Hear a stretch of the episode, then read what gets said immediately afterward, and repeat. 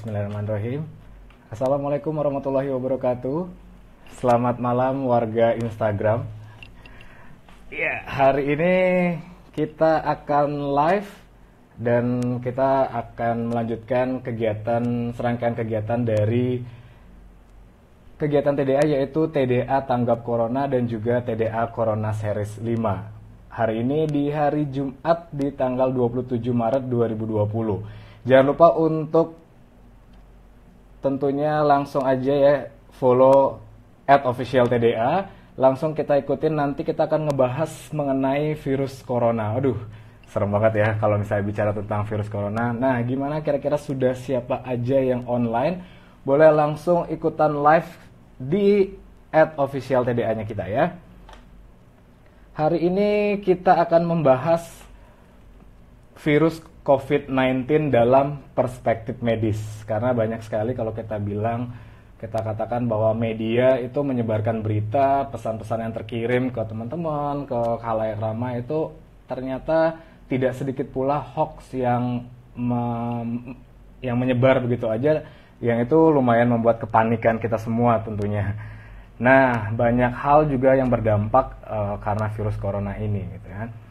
Tapi uh, karena wabah virus corona ini menyerang kesehatan penderitanya, tentu perspektif media jauh lebih baik kita ketahui dan pahami agar tindakan pencegahan terbaik segera kita lakukan tanpa tapi tanpa nanti. Nah, kita juga akan ngebahas tentang virus COVID-19 ini yang di mana kita akan mengundang satu narasumber yang luar biasa ya beliau salah satu dokter yang merupakan kalau bisa kita bilang sekarang dokter dan juga perawat itu menjadi garda terdepan ya sebagai uh, pahlawan pejuang yang tentunya sebagai orang-orang yang garda depan pengobatan dan juga eh, pencegahan virus corona ini.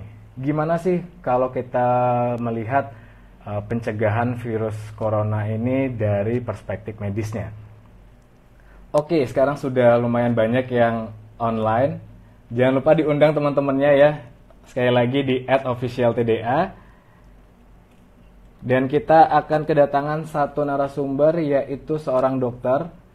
Ini luar biasa, beliau itu adalah uh, dokter yang sudah berpengalaman lebih dari 12 tahun di bidang estetik dermatologi dan juga selaku pemilik bisnis Rinanda Skincare. Wah, siapakah beliau? Nah, pasti sudah ada yang tahu beberapa. Kita undang aja. Kita undang langsung kira-kira sudah live kah beliau? Nah, sudah saya akan undang. Dr. Feni Rinanda SPKK. Tepuk tangan dulu untuk Dr. Feni Rinanda. Yeay, dokternya akhirnya hadir. Alhamdulillah. Assalamualaikum, Dr. Feni. Waalaikumsalam. Iya. Gimana kabarnya dokter? Alhamdulillah baik. Alhamdulillah. Ya. Gimana dok? Uh, terima kasih sebelumnya dokter karena sudah meluangkan waktunya, uh-uh. sudah berkenan untuk uh, sharing ke, uh, kepada kita semua selama satu jam ke depan mengenai virus COVID-19 dalam perspektif medis. Iya. Nah, kalau sekarang bicara virus corona dok, itu sudah seperti apa ininya dok? Dampaknya di masyarakat? Uh, dampaknya di masyarakat hmm. udah sebagian sudah mulai aware dengan stay hmm. at home. Nah, yang sebagian lagi nih malah uh, di sudah ada rancangan dari pemerintah supaya dua minggu stay at home malah pulang kampung. Seharusnya kan tidak boleh pulang, kita tidak boleh keluar dari daerah pandemik ya.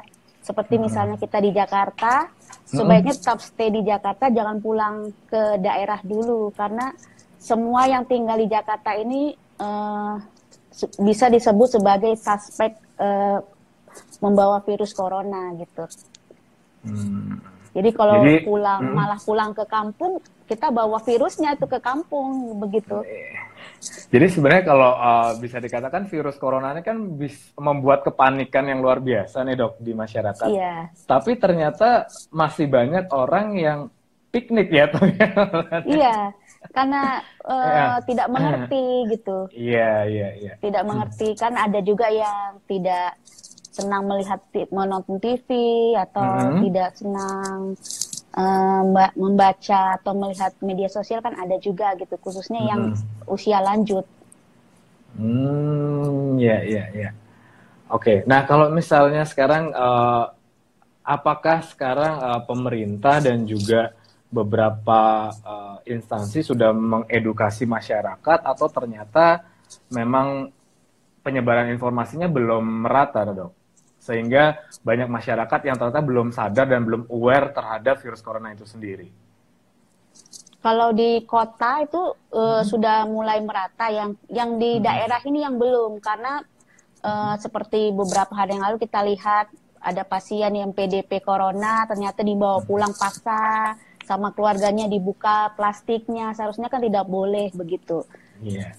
Jadi yang untuk di daerah ini yang kita takutkan karena kalau di daerah tidak cepat diberikan uh, aware atau tidak cepat diberikan tentang vir edukasi virus corona, maka bisa terjadi outbreak dalam waktu cepat.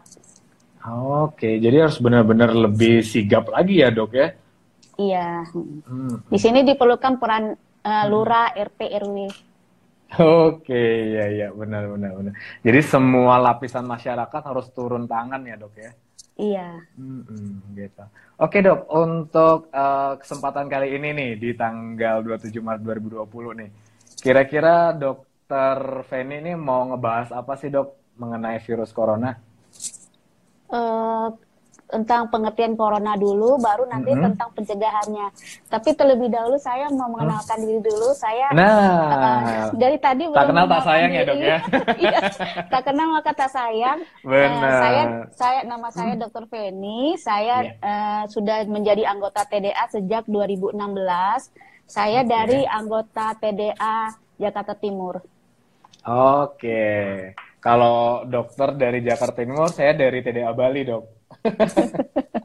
Makanya waktu Bali sekarang di jam 20.30 saya hampir ini. Tadi sempat uh, sudah siap-siap satu jam sebelumnya, eh ternyata lupa saya kalau waktu live IG-nya harus satu jam 19.30. lebih cepat. iya. WIB di sini WIT soalnya ya, WIT Wita di sini. Hmm. Oke. Okay. Oke, itu tadi udah Dokter Sindari memperkenalkan diri dan akan membahas cara pencegahan dan juga bertahan dari wabah corona. Iya. Oke, mau nyapa-nyapa dulu nggak dok untuk teman-teman warga Instagram dan juga eh, rekan-rekan dari TDA seluruh Nusantara nih dok? Yang kebaca di sini Mas Farid, Mas Farid oh. ketua TDA Jakarta Timur. Oke. Okay. Itu juga uh, merupakan saudara saya ponakan. Oh, jadi ini ya dok ya, uh, apa namanya kita selain uh, menginformasikan mengenai virus corona, kita juga harus menginformasikan TDA itu ke seluruh lapisan masyarakat juga ya dok ya harus itu. Iya, harus. Oke, okay. nah itu udah makin banyak dok. Sekarang sekitar dua bulan yang sudah hadir ya, menyaksikan ya, kita semua. Harus Iya, hmm. semoga nanti lebih banyak lagi sehingga teman-teman yang menyaksikan bisa meneruskan informasi ini ke teman-teman lainnya. Gitu. Iya, jadi jangan teruskan hoax hmm. lagi ya, tapi benar. teruskan info yang benar. Benar, karena hoax itu selain membuat kepanikan jadi bikin kepar keparnokan ya dok. Iya. Orang-orang parnok jadinya gitu. Padahal informasinya salah ya dok ya. Nah, sekarang kita akan membahas untuk informasi yang lebih detail, yang lebih uh, jelas. Tentunya ini adalah informasi yang benar ya dok ya. Uh, apa itu virus corona, habis itu uh, bagaimana sih gejala-gejalanya, dan terakhir pencegahannya sehingga kita semua uh, masyarakat Indonesia bersama-sama berjuang untuk membasmi virus corona ini tidak hanya di Indonesia tapi juga di dunia ya dok ya. Iya. Oke, kita akan lanjut ke materinya, Dok. Oke. Dokter Feni sudah siap? Sudah. siap. Oke, saya akan. Nah, ini dia, Dok. Nah. Silakan nah, dimulai, Dok. Nah ini dia, Assalamualaikum warahmatullahi wabarakatuh. Uh, saya akan mulai membacakan slide yang sudah saya buat terlebih dahulu. Dan mudah-mudahan sudah ada yang mendownloadnya, jadi bisa dibaca ulang. Atau mungkin ada yang uh, ingin mengajukan pertanyaan, dipersilakan ya. Saya mulai ya, uh, yaitu cara pencegahan dan bertahan dari wabah corona. Nah, virus corona ini dia sebenarnya itu sensitif pada sinar ultraviolet dan panas.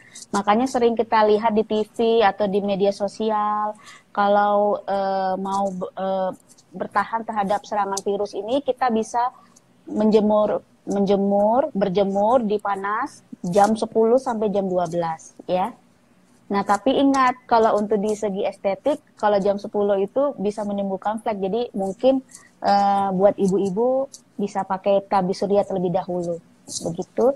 Nah, kemudian uh, virus ini juga dapat dinonaktifkan dengan pemanasan pada suhu 56 derajat selama 30 menit. Nah, kenapa dipanaskan? Biasanya kan uh, pada saat stay at home kita sering memesan Gojek atau GoFood gitu ya membeli makanan dari luar. Nah, supaya supaya lebih safe, lebih aman, makanan yang sudah kita beli dari luar, kita bisa panaskan terlebih dahulu di microwave. Uh, cukup hanya 1 sampai 2 menit kemudian baru kita uh, makan. Kemudian juga uh, dapat di virus ini juga dapat dinonaktifkan dengan pelarut lemak itu misalnya seperti ether, etanol, desinfektan yang mengandung klorin, asam erosi asetat dan kloroform. Kecuali klorhexidin. Makanya kan kita sering lihat tiap hari sekarang di jalan-jalan pemerintah sudah mulai menyiramkan desinfektan dan kita di rumah pun bisa melakukan desinfektan setiap hari yaitu sehari dua kali yaitu pagi dan malam dan kemudian untuk di dalam rumah dan di luar rumah dan bisa per dua jam atau tiga jam untuk seperti gagang pintu, kemudian uh, telepon, remote TV, handphone, atau benda-benda yang sering kita pegang. Slide. Nah, sumber infeksinya dari mana? Biasanya dari pasien COVID-19. Nah, untuk di Indonesia, uh, kita memang dapat uh, virus corona ini merupakan impor. Jadi ada pasien dari negara Cina datang ke Indonesia kemudian menularkan ke penduduk Indonesia. Nah, biasanya yang membawa virus eh membawa virus ini itu yang asimptomatik. Makanya dilarang sekali untuk sekarang ini tetap di rumah, jangan pulang kampung dulu, jangan keluar dari rumah dulu. Kita mungkin merasa sehat, tapi orang yang kita jumpai di luar itu belum tentu daya tahan tubuhnya sekuat kita, ya. Kemudian cara penularannya gimana? Biasanya sih berhadapan dengan uh, pasien virus corona tersebut, kemudian ada batuk, kemudian uh, duduk duduk duduk bersamaan dengan pasien di ruangan tertutup dalam jangka waktu yang lama. Makanya sekarang pertemuan-pertemuan apa pun itu perkumpulan di ruangan tertutup benar-benar sangat dilarang. Slide. Ini ada pertanyaan, boleh saya jawab dulu ya? Boleh, boleh sekalian langsung aja dok, boleh. Uh -uh, kalau tidak punya mikrowave bagaimana? Apakah ada cara lain? Ya bisa, misalnya dimasak aja di uh, di wajan boleh gitu. Yang penting makanan yang kita beri di luar harus kita sebaiknya dipanaskan kembali untuk mencegah terjadi uh, adanya virus corona di wadahnya, di wadah makanan tersebut. Nah, kemudian uh, gejalanya ini yang paling penting gejalanya yaitu dia kalau hari pertama itu gejalanya itu mirip seperti masuk angin, ya. Kemudian sakit tenggorokan ringan, sedikit sakit, kemudian uh, tidak demam, kemudian tidak tidak mudah lelah, tapi makan dan minum masih normal. Nah, itu hari pertama sampai hari ketiga. Nah, hari keempat biasanya tenggorokan tuh uh, agak sedikit sakit menelan, kemudian badan udah mulai seperti masuk angin, kemudian suara serak, kemudian suhu tubuh itu uh, sekitar 36,5 ke atas. Kemudian mulai dia uh, tidak mau makan, kemudian sakit kepala ringan, ada sedikit diare, tapi diare sih jarang. Nah, hari kelima itu dia uh, sudah sakit tenggorokan, suaranya udah serak, terus tubuhnya mulai dari 36,5 sampai 36,7 kemudian uh, mulai nyeri-nyeri persendian. Jadi uh, dari hari pertama sampai hari kelima tuh gejalanya betul-betul mirip dengan flu. Makanya itu kita harus aware. Tapi kita bisa bedakan kok antara sakit flu biasa dengan yang virus corona. Biasanya kalau sakit flu biasa dia uh, hidungnya hidung tersumbat tuh lebih sering daripada yang corona. Kemudian uh, kalau flu biasa dia biasanya flu-nya itu keluar sering keluar kalau corona tidak. Kemudian untuk batuk kalau flu biasa atau batuk biasa itu dia batuknya itu jarang, sedangkan corona itu sering. Nah itu dia perba uh, perbedaannya. Oh, jadi kebalik ya dok ya? Kalau misalnya flu biasa itu malah kalau uh, apa uh, lebih sering keluar, tapi kalau corona malah tidak sering. Iya, jadi cuma kalo, uh, tersumbat saja hidungnya. Hmm, gitu. Kalau batuknya malah lebih sering ketika corona. Di corona. Kalau Oke, okay. uh, jadi itu, itu yang membedakan ya dok ya? Iya. Oke. Okay. Nah kemudian di corona itu dia batuknya batuk kering. Kalau yang flu, hmm. flu atau batuk biasa dia batuknya berdahak. Gitu. Nah kalau hari keenam itu uh, badan udah mulai demam ringan, kemudian batuk dengan lendir atau batuk kering, tapi lebih utama batuk kering, kemudian mulai merasa mual, mual um, badan pegel-pegel, terus sesekali sesak napas, terus jari-jari jari-jari tangan juga mulai sakit, terus bisa terjadi diare dan bisa muntah. Tapi diare dan muntah itu jarang. Kemudian eh, hari ketujuh biasanya demamnya sudah mulai tinggi, kemudian batuknya tuh lebih lebih banyak, kemudian dahannya juga udah mulai muncul, kemudian nyeri da, uh, nyeri dan nyeri tubuh itu benar-benar uh, seperti migrain yang sangat parah, kemudian frekuensi pernapasan tuh lebih cepat. Jadi mengambil menarik menga, mengambil napas dan mengeluarkan napas tuh lebih cepat. Kemudian diare sudah mulai muncul lebih banyak dan muntah. Nah, hari ke-8 itu dia uh, demam udah mul, mul, uh, di atas 38, kemudian sudah mulai sesak napas dan nyeri dada. Kemudian batuk terus-menerus, banyak bicara uh, kemudian sakit kepala, nyeri sendi, dan sakit punggungnya ada pertanyaan, e, boleh nggak e, berjemur sebelum jam 9 pagi dan gimana dan berapa lama dok? Boleh, cuman e, matahari yang bagus untuk membentuk e, vitamin D3 adalah di atas jam 10. Jadi sebaiknya di atas jam 10 dan cukup 15 menit ya. Kemudian corona apakah bisa menyebabkan mata merah, dok? Tidak. Nah, kemudian saya lanjut ya.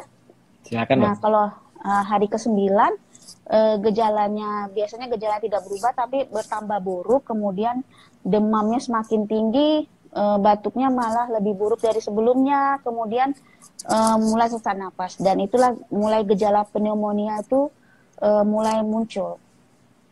Nah biasanya kalau udah hari ke-9 itu uh, sudah dirawat di ICU atau di ruang khusus yang dipantau sama dokter langsung. Nah uh, slide selanjutnya. Nah, ini kan uh, biasanya ada ODP, ada PDP. Biasanya kan kalau masyarakat awam bingung ya.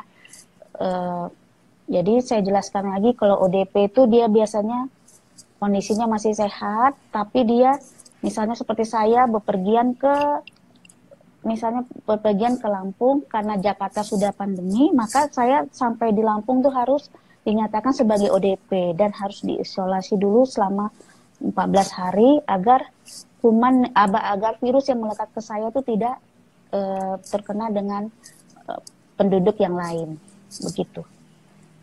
Nah, uh, ini ada pertanyaan berjemur selama 15 menit itu boleh maksimal atau boleh lebih? Maksimal 15 menit ya. Oke. Nah, kemudian saya lanjut lagi. Nah, sekarang kriteria eh, PDP, kalau PDP itu dia memang sudah uh, pasien dalam pengawasan, singkatannya itu memang orang yang di dalam daerah pandemi atau berkunjung ke daerah pandemi, kemudian uh, pulangnya merasakan gejala-gejala dari virus corona tersebut, makanya dinyata. Tapi PDP ini pun ada beber, ada tiga kriteria yaitu ringan, sedang dan berat. Biasanya kalau ringan itu masih dianjurkan isolasi mandiri. Isolasi mandiri bukan satu rumah dengan keluarga yang lain ya, tapi uh, satu rumah dia sendiri, tidak ada keluarga lain. Biasanya di di sewa atau sewa apartemen atau pokoknya benar-benar sendiri dalam rumah tersebut. Itu isolasi mandiri. Jadi tidak keluar selama 14 hari dalam pada saat isolasi mandiri tersebut. Itu bagi yang tidak mempunyai gejala yang asik atau dalam bahasa kedokterannya disebut asimptomatik. Sedangkan yang mempunyai gejala yang sedang ataupun yang berat itu biasanya diisolasi di rumah sakit. Ini ada lagi, dok menanya kalau dari keringat kena benar apakah bisa menular? Uh, tidak tidak bisa menular. Dok kok bisa cepat ini virusnya? Ya karena dia uh, biasanya pasien ini pasien ini uh, terkena virus dari uh, bat pasien yang positif corona itu batuk terlebih dahulu atau dia pada pasien yang positif corona itu dia berdek, terlalu berdekatan berdirinya posisinya dengan uh, pasien dengan orang lain sehingga ini bisa menular. Nah, virus corona ini dia kan melayang di udara tapi dia dalam waktu 3 sampai 4 jam itu dia mati sendiri. Biasanya setelah melayang di udara dia akan jatuh ke lantai. Makanya disarankan kalau desinfektan di rumah bukan hanya barang-barang tapi lantai juga harus di dipel dengan cairan desinfektan tersebut. Dok, berapa hari gejala muncul? Biasanya sih masa inkubasi itu atau masa dia muncul itu 1 sampai 14 hari. Tapi umumnya yang umumnya sekarang di Indonesia ini 3 sampai 7 hari. Kemudian apakah tenaga medis mengalami semua? Iya. Yang sembilan gejala tadi itu uh, muncul karena waktu uh, contohnya seperti almarhum Dokter Umar ya yang di Medan pada saat beliau di Medan saya lagi ada di Medan juga gitu. Jadi saya tahu gitu ya. Lanjut. Slide-nya. Ini ada pertanyaan kalau virus di lantai bertahan berapa lama, Dok? Biasanya sekitar 3 sampai 4 jam. Kalau uh, cuman kalau di besi atau metal harus hati-hati karena dia bisa bertahan sampai uh, eh, 2 sampai 3 hari. Makanya disarankan untuk gagang pintu atau telepon atau semua yang dari metal itu disarankan per 2 atau 3 jam di, di dibersihkan dengan cairan desinfektan ya kemudian cara mendeteksinya gimana? Cara mendeteksinya sebenarnya ada dua di di di Indonesia yaitu dengan cara PCR dengan cara uh, rapid test. Cuman kalau sebenarnya yang paling bagus PCR cuman PCR waktunya memakan waktu satu hari dan alatnya juga tidak banyak sehingga antriannya sekarang itu sudah sampai 800 pasien. Jadi uh, pada saat kita periksa sekarang nanti minggu depan baru keluar hasilnya karena antriannya sangat panjang. Tapi kalau misalnya rapid test itu dia e, dalam waktu satu jam sudah selesai, cuman itu dia bisa banyak false negatifnya sehingga tidak dianjurkan. Slide. Nah, cara pencegahannya, nah ini yang paling penting cara pencegahannya sebenarnya uh, wajib dilakukan sama siapa pun kecuali anak-anak ya uh, karena anak-anak agak agak susah kita ajarkan juga. Jadi kalau untuk anak-anak sebaiknya diberi nutrisi yang bagus, kemudian makanan yang bergizi, tidur yang cukup. Jadi sehingga herd immunity-nya atau daya tahan tubuhnya meningkat sehingga bisa melawan dari serangan virus corona. Kemudian ini ada pertanyaan lagi, dok, data yang dipublish pemerintah real atau tidak? Ya real, masa tidak real? Cuman ya itu karena tadi ada antrian uh, antrian pemeriksaan tes PCR, jadi memang agak lama me menampilkan hasil dari positif coronanya. Nah, apakah umur dan golongan golongan darah biasa ya golongan darah ada. Biasanya yang A itu lebih rentan dia. Kalau yang O dia lebih kuat menahan serangan dari virus corona ini. Kalau umur biasanya sih usia lanjut dan disertai dengan penyakit hipertensi, stroke, kemudian ada uh, penyakit kelainan pernapasan sebelumnya. Dok, kalau satu itu badan udah.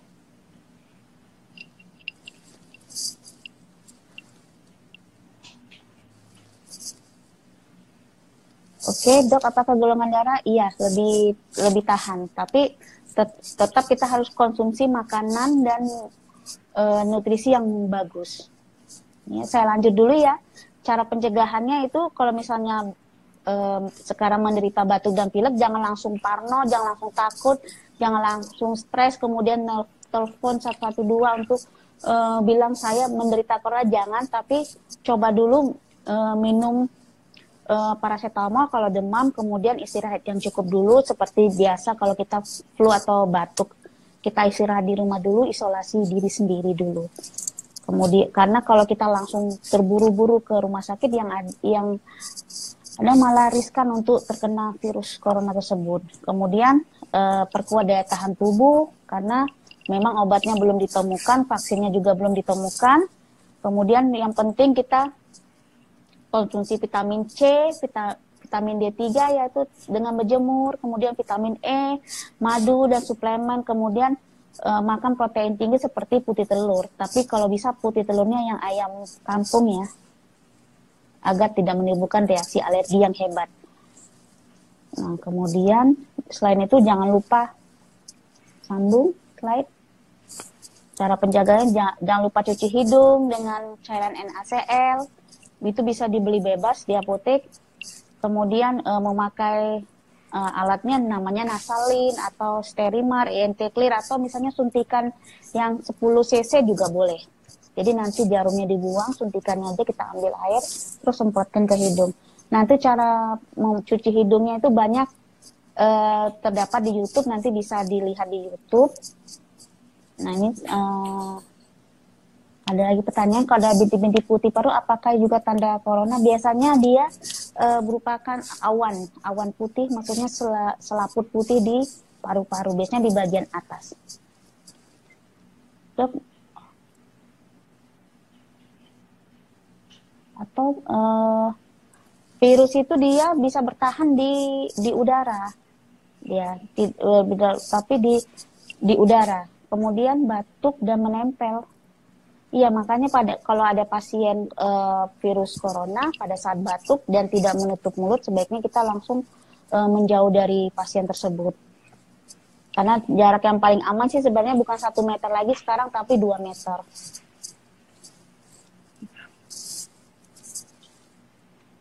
Nah, uh, kemudian saya lanjut ya untuk cara pencegahannya. Selain cuci hidung itu, uh, kenapa dianjurkan cuci hidung? karena virus corona itu dia bersembunyi di belakang hidung dekat tenggorokan. Jadi e, cara mengusir virusnya itu dengan cara mencuci hidung. Jadi cuci hidung dilakukan sehari dua kali pagi dan malam. Dan sekali cuci hidung itu dia satu lubang satu lubang hidung itu sekitar 50 cc NaCl. Jadi dua lubang hidung 100 cc NaCl. Nah, kemudian e, lanjut tidur minimal 7 sampai 8 jam sehari. Jadi uh, kalau bisa sekarang dalam waktu satu bulan ini dalam waktu satu bulan ini tidurnya lebih teratur. Tidur jam 10 bangun pagi atau uh, yang sholat subuh tidurnya jam 9 atau jam 8 tidurnya harus minimal 7 sampai 8 jam sehari. Nah kemudian nasal spray yang aman tuh usia 6 tahun apa dok? Nasal spray uh, biasanya ada di apotek nanti bisa ditanyakan karena ENT clear itu ada yang untuk dewasa, ada juga untuk anak-anak. Nanti bisa ditanyakan di apotek. Tuh, corona bukan airborne dok. Dia airdrop. Mungkin dilanjutin dulu dok ininya untuk uh, slide-nya. Nanti saya bacakan untuk pertanyaan-pertanyaannya. Oke okay, oke okay, ya. Ah, ah, nah, kemudian ya. uh, mm -hmm. cara pencegahannya kalau kita yeah. udah terkena virus corona itu dapat dilawan dengan meningkatkan daya tahan tubuh.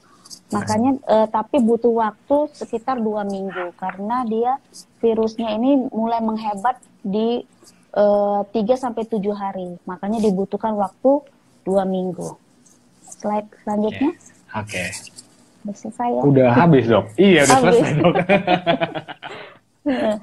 eh. Nah, sehari ya, semalam mm -hmm. itu. Jadi dari malam mm -hmm. tuh kita sampai pagi tuh ini ada pertanyaan tidurnya 7 sampai 8 mm -hmm. jam sehari atau semalam? Semalam. Ya. Jadi 7-8 jam itu dianjurkan setiap hari sekarang ya dok ya? Iya, tiap hari ya. Hmm. Pokoknya dianjurkan kita hidup lebih hmm. agak malas sedikit, lebih banyak rebahan. lebih banyak rebahan tapi menghasilkan, Dok. iya. Ya itu gunanya TDA kan di TDA kita diajarkan bener. juga bisnis online. iya benar. Saatnya sekarang ya dok ya di masa-masa 14 hari kita dianjurkan di rumah work from home inilah di mana kita bisa belajar lebih banyak lagi mengenai digital dok ya. Iya. Oke.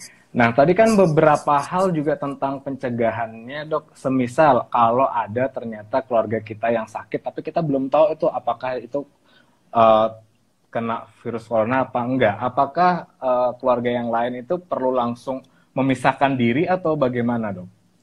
Iya, tadi udah dijelaskan di atas, misalnya hmm. uh, ada batuk dan pilek, itu langsung hmm. dia istirahat yang cukup, cuci hidung, terus minum hmm. obat flu seperti biasa. Kalau ada demam minum paracetamol, kemudian isolasi diri sendiri.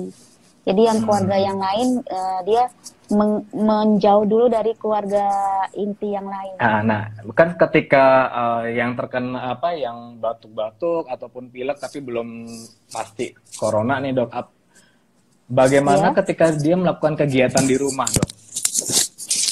Apakah misalnya untuk makan uh, uh, kegiatan lainnya itu apakah kita harus berikan ke kamar ataupun ternyata bebas boleh juga ke dapur dan melakukan kegiatan lainnya di dalam rumah.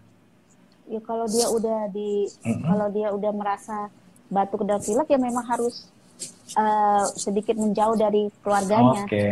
Ah. Mm-hmm. Jadi kita keluarga yang lain yang memberikan uh, ini ya dok ya. Uh, yeah. pengertian bahwa mungkin makanannya kita antar ke kamar atau kita berikan uh, apa yang dia mau lewat via telepon ataupun WA gitu ya dok. Iya, iya, itu hmm. lebih aman. iya benar. Oke. Okay. Nah ini, nah, ini dok berapa lama virus bertahan di plastik, di plastik kardus, dan, dan HP, HP, dok? iya. Biasanya sih 3 sampai empat hari, tapi bisa 2 sampai tiga hari.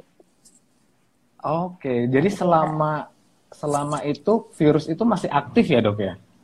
Iya, makanya okay. disarankan kalau kita mm -hmm. uh, terima paket ataupun kita beli makanan dari luar jadi bungkusnya itu langsung kita buang di luar mm-hmm. letakkan di pagar dulu kita ambil bungkusnya di luar jadi tinggal wadah plastiknya kemudian mm-hmm. kita masuk ke dalam nah kemudian makanan itu harus kita sebaiknya sebaiknya mm-hmm. kita panaskan lagi oh jadi nggak langsung dikonsumsi dok ya iya harus dipanaskan terlebih dahulu iya okay. iya Nah, pertanyaan berikutnya dok, multivitamin di pasaran apakah yang sudah cukup jadi antibody? Itu tadi udah dijelaskan di atas mm -hmm. uh, vitamin yang dibutuhkan untuk melawan serangan virus ini ada tiga, vitamin C, D3 sama vitamin E. Nah, D3 kan hmm. didapatkan dengan cara menjemur, berjemur di pagi hari. Jadi vitamin C dan vitamin E. Hmm, Oke. Okay. Jadi sudah cukup vitamin C dan E ya, dan makan protein tinggi. Uh, kalau tadi sudah kita bicara tentang pencegahan uh, virus coronanya itu sendiri dok gitu. Mm -hmm. Sekarang kalau misalnya kita uh, apa namanya sudah merasakan nih udah 14 hari ternyata rasa sakitnya itu ma masih terasa batuk pileknya. Kita harus secara mandiri uh, memeriksakan diri ke rumah sakit atau klinik terdekat gitu dok ya? Uh, biasanya kita telepon dulu, kan ada teleponnya hmm. call centernya ya. Oke, okay, nah, jadi call center dulu di hmm. Iya, telepon call center nanti ambulan akan datang untuk memeriksa kita. Oh, jadi kita nggak boleh secara sendiri yang ke rumah sakit ya dok ya? Biasanya kalau sekarang ini sedih datang ke rumah sakit itu tidak digubris gitu karena kan hmm, uh, banyak yeah, yeah, banyak yeah. pasien yang yang stres takut parno malah ngaku-ngaku saya udah corona sudah corona jadi lebih bagus stay di rumah, telepon, iya, iya. nanti uh, tim medis yang akan datang menjemput. Biasanya kejadian soalnya itu dok waktu saya pernah ke satu puskesmas gitu, ada seorang anak muda minta dicek gitu loh. Dokternya ini udah bilang e, ini kita nggak bisa langsung cek gitu, tapi dia saking parnonya dia pengen sekali di uh, apa namanya di observasi, dievaluasi sehingga dia uh, clear kalau dia itu tidak corona sampai sepanik itu uh, anak muda itu dok. Jadi nggak bisa langsung ya dok ya? Iya, tidak bisa langsung. Mm -hmm. Jadi uh, telepon call center, kemudian mm -hmm. uh, tunggu tim medis datang, baru kita dibawa ke rumah sakit. Oke, nah ini ada pertanyaan berikutnya nih dok. Kalau sarung tangan, HP setelah dipakai apakah bisa dijemur untuk menghilangkan virus, dok? Uh, kalau sarung tangan sebaiknya langsung buang. Kalau HP hmm. kita bisa bersihkan dengan hand sanitizer juga bisa. Hmm. Okay. Hand sanitizer ya bukan alcohol swab karena alcohol swab itu hanya untuk uh, tim medis. Karena sekarang banyak uh -huh. uh, masyarakat umum pun beli alcohol swab sehingga alcohol swab udah uh, sulit didapatkan lagi di pasaran. Hmm, Oke, okay. ya. Tapi hand sanitizer juga agak susah dok sekarang nyarinya dok. Apalagi dijualnya sudah harganya selangit dok. Itu ada ini nggak dok bahan lain nggak dok selain uh, dua bahan tadi? Uh, maksudnya untuk uh, mensterilkan iya, dari virus? Iya benar. Iya hanya hanya dengan ini dengan oh, hanya hand itu sanitizer. Aja ya, iya. Hmm. Kalau pakai sabun kan nggak mungkin karena kena air kan nggak bisa. Oke, okay, ya iya. benar-benar. Nah ini berikutnya dok, kalau motor habis buat keluar gimana itu dok? Apa harus dicuci dulu? Nggak usah, motor nggak usah. Tapi tangannya oh, kalau motor nggak usah malah dok? Iya, motor kan taruh di luar terus nggak ikut masuk ke dalam. Oh, oh jadi iya. untuk untuk uh, barang-barang yang memang stay-nya di luar rumah itu nggak nggak perlu Iya, di... seperti motor, cuci. mobil hmm. itu uh, hmm. tidak perlu. Bagaimana kalau ternyata memang uh, motor ataupun mobil itu ternyata dipegang atau disentuh oleh pasien yang ternyata memang penderita corona, dok? Makanya disarankan pada saat kita uh, sebelum uh, disarankan sekarang rajin mencuci tangan atau rajin hmm. memakai hand sanitizer. Kalau di dalam rumah cukup mencuci tangan, tidak perlu hand sanitizer di luar rumah hmm. baru kita pakai hand sanitizer. Jadi pada oh, saat okay. misalnya aduh wajah gatel gitu, pingin garuk gitu kan, hmm. uh, kita bersihkan tangan dulu baru ini. Jangan langsung nggak kayak dulu, tidak seperti dulu lagi. Oke. Nah ini berarti virus yang menempel di benda tidak akan hilang dengan cara dijemur ya dok? uh, dijemur untuk apa gitu soalnya uh, dijem dia memang virus itu bisa mati dengan uh, hmm. dengan panas tapi ya untuk apa ya malah nanti HP-nya malah nanti uh, riskan untuk mengalami kerusakan ya kan iya iya uh, oke okay. oh udah mulai banyak nih ada pertanyaan lagi mungkin dari teman-teman TDA yang sudah menyaksikan live-nya kita oh ini ada dia apa perbedaan bedanya kalau batuk corona dan batuk biasa? Tadi sebenarnya udah dijelasin, tapi mungkin karena baru hadir boleh dijelasin kembali dok supaya kita lebih paham. Iya, nah beda batuk corona dengan batuk biasa. Nah kalau batuk biasa itu dia eh, batuknya itu batuknya itu jarang. Nah kalau batuk hmm. corona itu lebih sering. Kemudian kalau batuk corona itu biasanya itu batuknya kering, tidak ada dahak, sedangkan batuk biasa itu lebih banyak dahannya. Nah itu dia. Okay. Nah kalau batuk corona itu hidungnya biasanya tidak tersumbat. Nah kalau batuk biasa hidungnya disertai dengan hidung yang tersumbat. Jadi udah nggak bisa uh, ini dok ya disepelekan ketika kita sekarang batuk ataupun pilek ya dok ataupun flu. Iya, nah, nah jadi itu harus jadi, waspada. Ya. Uh, jadi uh, dilema juga untuk orang yang alergi biasanya karena hmm. um, banyak pasien saya yang alergi itu ya. rentan dengan cara desinfektan sekarang kan tiap beberapa jam di jalanan tuh disemprot sama disemprot cairan desinfektan sama pemerintah. Hmm. Nah biasanya yang te, pasien yang alergi terhirup cairan desinfektan itu malah hidungnya tersumbat, batuk, pilek karena dia alergi dengan cairan desinfektan tersebut. Hmm. Jadi agak dilema juga untuk yang penderita alergi. Tapi ini ada pertanyaan dok, nggak menular kan dok dari hewan kesayangan? Tidak, tidak, tidak hewan kesayangan. Oke, jadi enggak ya dok ya? Iya. M muncul tanda setelah berapa lama terpapar dok? Biasanya 1 sampai 14 hari, tapi sekarang yang umum terjadi 3 sampai 7 hari setelah terpapar. Oh, malah lebih cepat ya dok ya sekarang ya? Iya. Iya, iya, iya, lebih ini ya. Oke, seperti sarung tangan motor dari kain, tas itu kan dibawa keluar untuk antisipasi biar virus hilang gimana dok? Nah, kalau sarung tangan bisa dicuci setiap hari ya.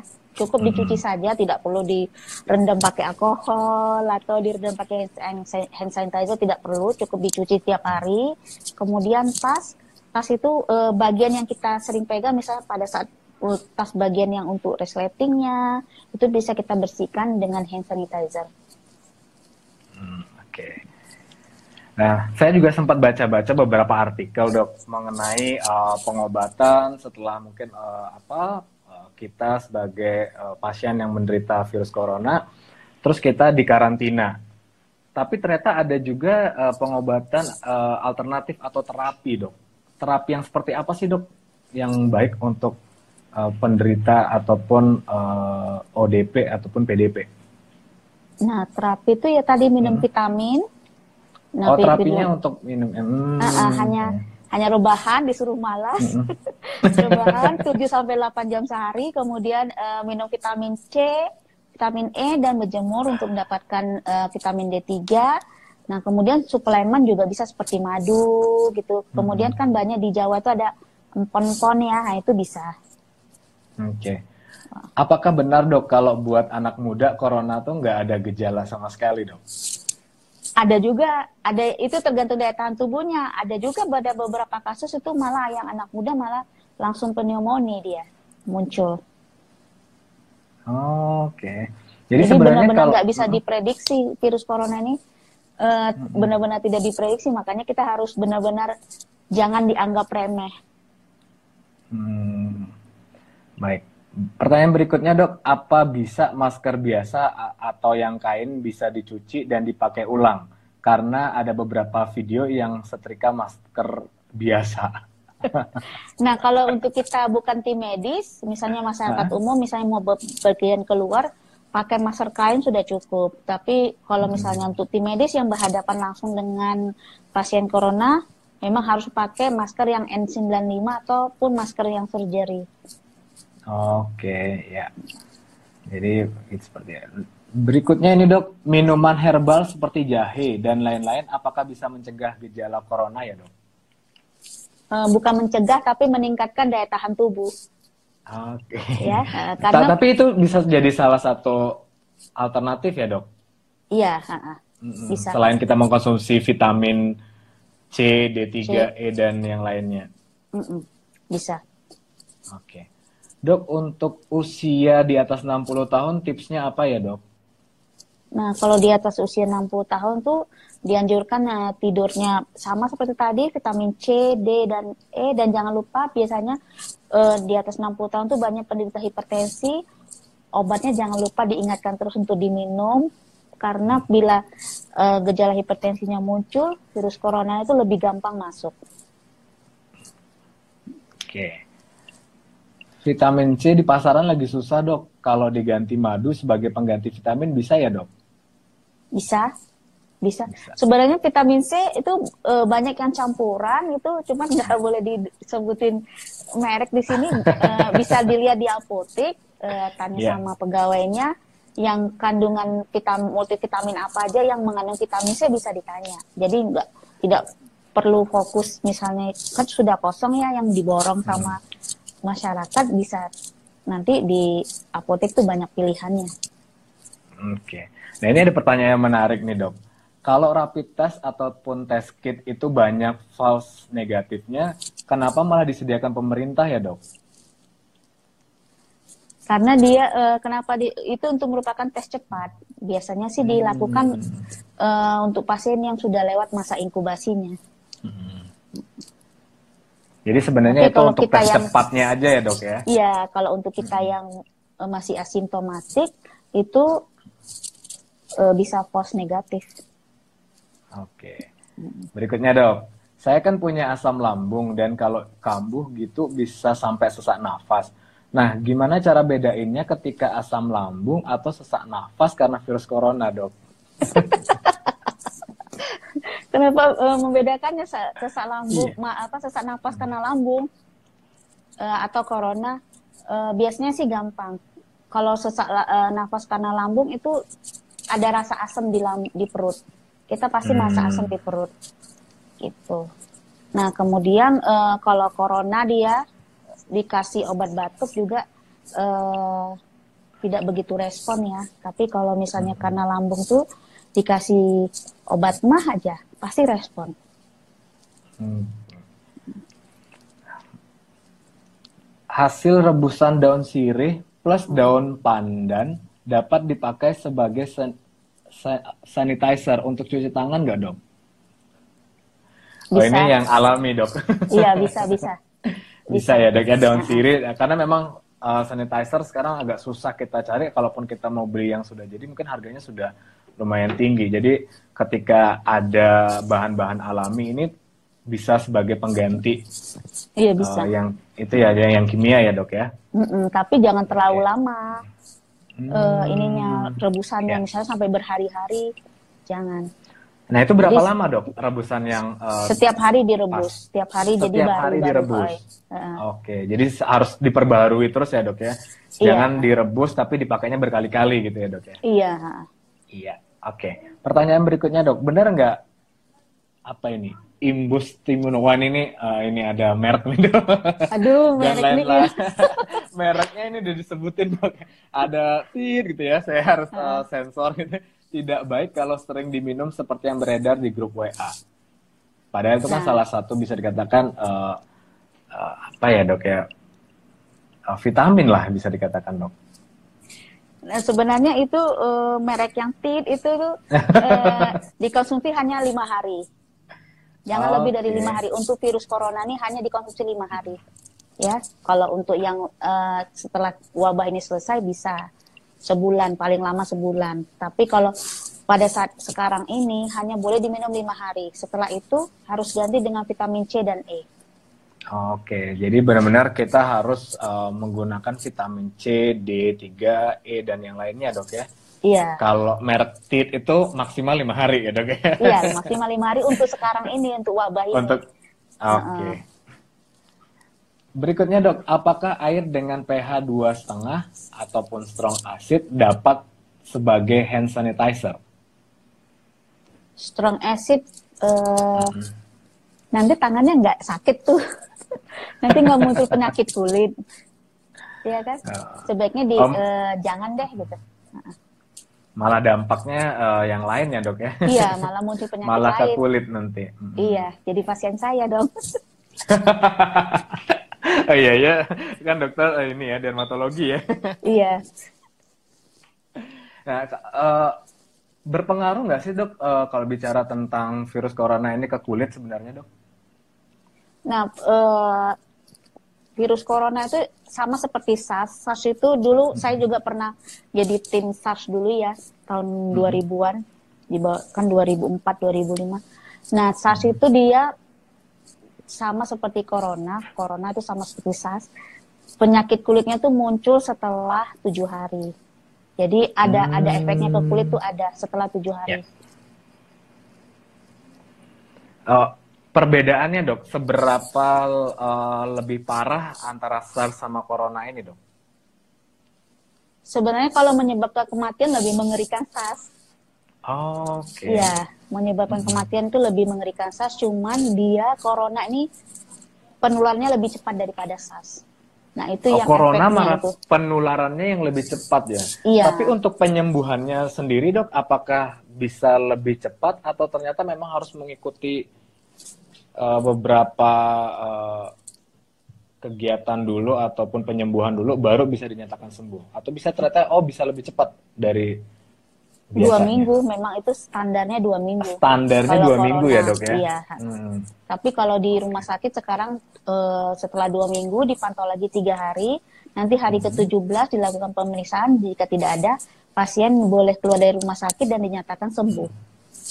Nah, ketika dinyatakan sembuh gitu, apakah ada pantangan-pantangan dok? Atau ternyata memang uh, sudah bebas seperti orang sembuh Tetap ada pantangan, jadi kembali okay. seperti orang biasa yang hmm. penderita corona pun bisa reinfeksi lagi, bisa terkena infeksi corona lagi jika tidak menjaga daya tahan oh, tubuhnya. Oke. Okay.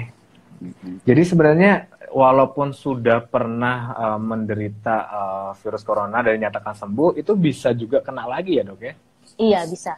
Oke, okay. siap. Oke okay, dok, karena waktu kita beberapa menit ke depan sudah satu jam. uh, dari Dokter Feni ada closing statement nggak dok buat kita semua sehingga kita bisa lebih aware dan tentunya kita bisa uh, apa namanya lebih berhati-hati lagi uh, mengenai menghadapi dan juga mencegah virus corona itu sendiri. Nah, ini saran saya uh, untuk yang teman-teman uh, yang belum bisa stay di rumah, tetap harus bekerja, itu sebaiknya jaga kondisinya dengan sebaik-baiknya, rutin minum vitamin C dan E, kemudian um, madu juga boleh dilakukan sehari dua kali, kemudian makan yang cukup, jangan makan bakso. Karena bakso untuk sekarang ini tidak cukup kuat untuk menahan serangan virus corona, tapi benar-benar yang okay. makanan yang bergizi ya. Jadi makanannya di pagi, siang, malam bergizi. Hilangkan dulu diet-diet, toh ini cuma beberapa bulan makan seperti biasa sehari tiga kali kemudian uh, jangan lupa uh, bawa hand sanitizer hand sanitizer tadi kan sudah disebutkan boleh yang beli dengan harga yang cukup mahal atau buat sendiri dari daun sirih itu juga bisa ya nah kemudian waktu yang stay di rumah uh, manfaatkan ini dengan berkumpul dengan keluarga kemudian uh, lakukan pencegahan yang seperti saya sebutkan di slide, yaitu cuci hidung rutin sehari dua kali, pagi dan malam, satu lubang hidung 50 cc, jadi dua lubang hidung 100 cc. Nah, kemudian e, banyak tidur 7 sampai 8 jam sehari, kemudian e, minum vitamin C dan E, madu, kemudian protein tinggi, dan jangan lupa e, berjemur di jam 10 jam 10 sampai jam 12. Oke, jadi untuk berjemurnya jam 10 sampai jam 12 ya dok ya? Iya. Oke, itu adalah... Selama 15 menit ya. Maksimal 15 menit ya dok, ya? iya. ya? boleh lebih. Iya. nanti malah kebakar kulitnya ke dokter Feni nanti iya, pengobatannya saya ya. tenang. Dapat pasien dulu. Oke, ada yang lainnya dok kira-kira yang kita akan bahas dok? Uh, uh, nah, kemudian kita dukung uh, program pemerintah untuk stay at home. Uh, kita libur dua minggu ini, apalagi untuk yang masih punya anak uh, SD sampai SMA, ini bukan saatnya untuk pulang kampung, tapi benar-benar stay at home karena pada saat kita keluar dari Jakarta kita pasti pasti bahwa virus corona itu yang melekat di badan kita. Sayangi keluarga kita yang di kampung. Jadi sebaiknya stay at home ini sampai tanggal 5 April tetap berada di Jakarta. Jangan keluar dari Jakarta dahulu. Oke, oh, sebenarnya masih banyak nih dok yang minta waktunya dipanjangin, masih kurang puas karena bagus banget uh, pembahasan dari dokter Feni itu sendiri ya gitu. Mm -hmm. nah, kira-kira dokter mau jawab lagi pertanyaan-pertanyaan yang ada atau cukup dok? Boleh boleh. Boleh ya mumpung masih ada boleh, waktu, Dok? Boleh, boleh. Ya? Oke, kita lanjut lagi sedikit ya, Dok ya. Iya. Sebenarnya seberapa bahaya sih, Dok, virus corona itu karena banyak orang yang masih santai aja berkumpul dan keluar rumah. Nah, karena uh, gejala yang di Indonesia ini banyak yang asimptomatik alias tidak ada gejala. Jadi dia merasa ah saya uh, belum kena corona, saya belum muncul gejala corona. Padahal kalau kita sudah stay di anggota di daerah pandemik seperti Jakarta ini, pasti udah ada virus corona. Cuma karena daya tahan tubuh kita yang kuat, sehingga virus corona itu tidak bisa menyerang kita. Tapi orang lain selain kita, kan kita tidak tahu daya tahan tubuhnya. Makanya sayangi keluarga, sayangi teman. Hmm, ya, Jadi sayangnya nggak cuma di ucapan tapi di tindakan juga ya dok ya bahwa ya, sekarang kita harus kan bisa menjaga jarak. kan seperti ini juga bisa kan IG Iya, sekarang online aja udah bisa kumpul ya dok ya. Iya. bisa berbanyak malah dok ya dari mm -mm. segala penjuru nggak cuma berdekat eh, harus bertemu bertatap wajah langsung tapi kita bisa melihat dari kamera video call kayak seperti ini ya dok ya. Iya. Uh, uh. Ini ada lagi dok, uh, sekarang banyak air pH-nya 6 sampai dengan 9,5. Apakah berguna untuk meningkatkan daya tahan tubuh dok? Enggak sih, Belum Jadi ada enggak ya dok ya? Nah, Nggak ada ininya dok ya? Iya. Oke. Hmm, Tadi saya baca dok air yang pH-nya 2 sampai dua setengah itu dapat membunuh bakteri kuman dan juga virus dok sehingga dapat digunakan sebagai hand sanitizer. Itu gimana dok? Yang mana? Yang mana? Yang pH 2 sampai dua setengah Mm-mm. untuk air ternyata dia itu bisa jangan- bakteri. Eh, jangan karena nanti bisa merusak kulit. Jadi tidak disarankan. Heeh, Hmm. Oke. Tidak disarankan. ha. Jangan ya dok ya kalau jangan Iya, karena jadi kalau kulitnya nanti rusak nanti malah ke dokter Feni. kontak alergi. Iya. Kalau olahraga lari-lari pagi tapi sendiri nggak di kerumunan orang gimana dok? Di kerumunan orang boleh ya dok ya? Sebaiknya jangan keluar dari pagar rumah. Hmm, jadi benar-benar stay at home ya dok ya? Iya, kalau misalnya aman, kenapa pemerintah eh, semprot desinfektan berarti kan tidak aman. Gitu. Benar. Disinfektannya malah eh, di segala sudut rumah ya disemprot ya dok. Iya, ha-ha. di luar itu sampai tumbuhan-tumbuhan itu juga disemprot karena saking memang berbahayanya dan menyebarnya begitu cepat virus corona ini. iya. ha-ha. Mm-mm. Minimal berapa mg vitamin yang bisa dikonsumsi dok? 500, 500 cukup. 500. Iya, 500 per 500 hari ya dok ya? Iya, Sekat satu kali walaupun satu sebenarnya hari. kita butuhnya 90 mili, tapi eh, untuk lebih safe-nya menghadapi virus corona ini kita 500 mili.